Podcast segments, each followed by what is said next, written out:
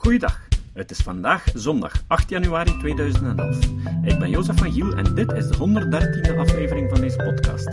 Deze aflevering kwam tot stand mede dankzij Rick de Laat. De muziek is van Nick Lucassen. God tikte je op je schouders. Het oorspronkelijke artikel is van Daniel Loxton en is op Skeptic blog verschenen. Het is vertaald door Rick de Laat. Sceptische pionier Isaac Asimov, een van de oprichters van Psychop, nu CSI genaamd, heeft een dergelijk duizelingwekkende bibliotheek van boeken, meer dan 500 bijeengeschreven, dat zijn meerdere autobiografieën slechts tussendoortjes waren. Ik heb drie Asimov-autobiografieën in de Junior Skeptic bibliotheek staan. Soms haal ik er voor de lol een willekeurig uit, sla ze open en lees de eerste twee pagina's waar mijn oog toevallig opvalt. Telkens ik dit doe, lees ik iets grappigs, leer ik iets interessants en voel ik een blogpost kant en klaar in mij opwellen. Dit was zeker het geval toen ik Asimovs verhaal over zijn persoonlijke ervaring van psychisch voorgevoel of goddelijke interventie las, in de vorm van een letterlijke tik op zijn schouders. Zoals verteld in I Asimov speelt het verhaal zich af op een middag in 1990. Asimov lag te slapen in een eenpersoonskamer in het ziekenhuis, waar hij werd behandeld aan ernstige hartproblemen. Zijn vrouw Janet was terug naar huis om wat klusjes te klaren, waardoor Asimov alleen achterbleef in zijn afgesloten ruimte. Dan gebeurde er iets heel vreemds. Asimov herinnerde zich. Ik sliep en een vinger porde mij. Ik werd wakker natuurlijk en keek wat suf om me heen om te zien door wie en door wat ik werd gewekt. Hij inspecteerde de heldere, zonnige kamer. Ze was leeg. De deur zat op slot. De badkamer was leeg. Er was niemand op het toilet. Het was een echt, angstaanjagend, afgesloten kamermysterie. Net als die waar hij vaak over schreef. Automatisch drong zich een verklaring op. Hoe rationalistisch ik ook ben, ik kon alleen maar bedenken dat een bovennatuurlijke invloed was tussengekomen om me te vertellen dat er iets gebeurd was met Janet. Mijn ultieme angst natuurlijk. Ik aarzelde een ogenblik in een poging mij er tegen te verzetten, en voor iedereen, behalve voor Janet, zou het me ook gelukt zijn. Ik belde haar dus op. Gelukkig antwoordde zijn vrouw meteen. Alles was prima.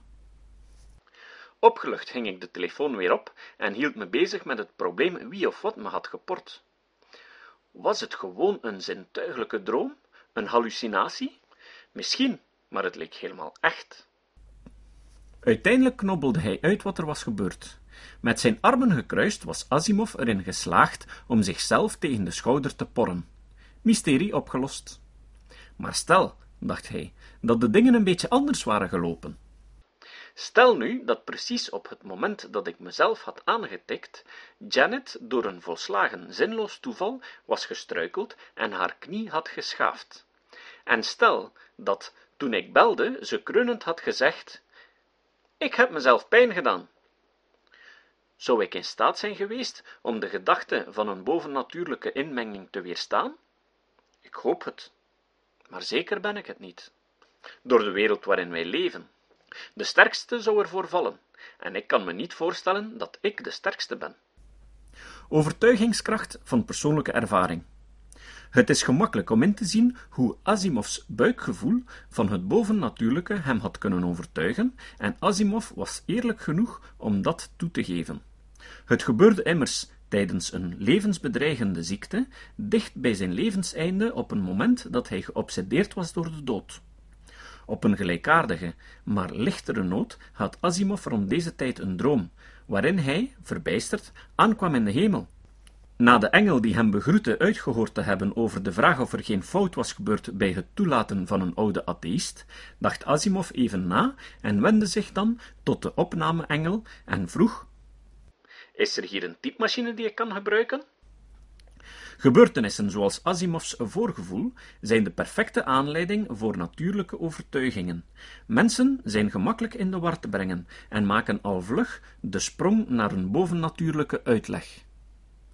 Ervaringen van dit soort voelen enorm krachtig aan En wat er allemaal vasthangt aan geloof in het bovennatuurlijke, kunnen het zeer, zeer verleidelijk maken. Dat is een hoop om tegen te boksen. Zoals Asimov vroeg in Skeptical Inquirer in 1984. Lijkt de gedachte om te sterven je aanlokkelijk? Of het idee dat iemand waar je van houdt zal doodgaan? Kun je het iemand verwijten dat hij zichzelf wijsmaakt dat er zoiets als eeuwig leven bestaat, en dat hij alle mensen die hij lief heeft in een staat van eeuwigdurende gelukzaligheid zal terugvinden? Voel je je op je gemak met de dagelijkse onzekerheid van het leven, met nooit weten wat het volgende ogenblik in petto heeft? Kun je iemand verwijten dat hij zichzelf weet te overtuigen, dat hij zichzelf kan waarschuwen en wapenen tegen deze onzekerheid door de toekomst af te leiden uit de bewegingen van de planeten? Uit hoe kaarten vallen, uit het patroon van de theeblaadjes of uit gebeurtenissen in dromen? Isaac Asimov was een scepticus, een rationalist en een getrainde wetenschapper. En niet te vergeten, de meester wetenschapsopvoeder van onze tijd en misschien van alle tijden, zoals hij werd begroet door de Skeptical Inquirer-editor Kendrick Fraser. Hoe dan ook, een triviaal misverstand bracht hem aan de rand van geloof in het bovennatuurlijke, zo dichtbij dat hij erop reageerde. Voor een geval. Maar Asimovs verhaal is niet ongewoon, zelfs onder sceptici. Zo werd bijvoorbeeld James Randi, een andere psychop-oprichter, ooit eens wakker terwijl hij tegen het plafond zweefde en zijn eigen lichaam op het bed zag liggen. Deze ervaring was ook voor Randy niet alleen schokkend, maar ook overtuigend. Het was, zei hij, voor mij een zeer sterke ervaring. Ik geloofde echt dat ik, uit wat ik ervoer, uit mijn lichaam was getreden. Het kwam overeen met wat ik al zo vaak beschreven had gezien. Het werd hem echter al snel duidelijk dat zijn astrale vlucht zich niet letterlijk had voorgedaan, maar dat het een droom of hallucinatie moet zijn geweest. Zonder het gelukkig toeval dat de fysieke feiten niet overeenkwamen met mijn waargenomen ervaring, zou ik nu vertellen dat ik, naar mijn beste weten, een buitenlichamelijke ervaring had gehad. Maar wat te denken van diegenen die een dergelijke ervaring hebben, zonder het voordeel van Randy's achtergrond van onderzoek naar het paranormale, of zijn geluk? Als ze geen enkel overtuigend bewijs van het tegendeel hebben, bedacht Randy. Wat zou hen dan weerhouden hebben om te zeggen: Ik ben er absoluut zeker van dat ik een buitenlichamelijke ervaring heb gehad? Overweeg dat zorgvuldig en vergeet het niet want het is een goed voorbeeld van hoe zelfs een aarts-scepticus in de val zou kunnen lopen. Veel van mijn eigen werk benadrukt ditzelfde punt. Het is begrijpelijk dat zoveel goede, slimme mensen ertoe komen om rare dingen te geloven. In feite is het meer dan begrijpelijk. Het is vaak heel redelijk. Voor veel mensen in veel situaties is het paranormale de beste verklaring die zij hebben voor de feiten.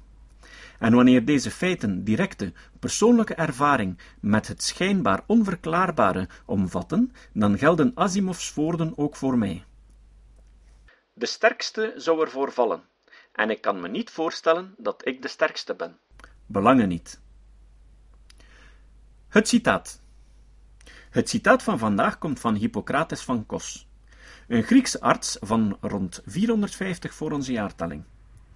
Alhoewel de meeste theorieën die Hippocrates had ondertussen achterhaald zijn, wordt hij nog altijd gezien als de vader van de geneeskunde. Zo'n achterhaalde theorie is die van het evenwicht van de lichaamsappen, de zogenaamde humorentheorie. Hij heeft echter ook verdiensten die nu nog altijd waardevol zijn. Hij legde veel nadruk op hygiëne en hij gebruikte de pijnstillende werking van wilgenbast. Dit extract heeft in de 19e eeuw geleid tot de ontwikkeling van aspirine. Hij was ook zeer vernieuwend en controversieel voor zijn tijd toen hij beweerde dat epilepsie een ziekte van het lichaam is en niet de goden die je afslaan omdat je goddeloze dingen deed. Hippocrates zei: Er zijn in wezen twee dingen: wetenschap en oordeel. De eerste brengt kennis voort, de laatste onwetendheid. Tot de volgende keer. Dit was de podcast Kritisch Denken. Vergeet niet om alles kritisch te behandelen, ook deze podcast. Voor verdere informatie over deze podcast, links en voor de tekst, surf naar www.kritischdenken.info. Als je deze podcast belangrijk vindt, kun je me steunen door anderen warm te maken ook eens te luisteren. Stuur een e-mail naar vrienden met een link naar de website en plaats de link in de handtekening van je e-mails.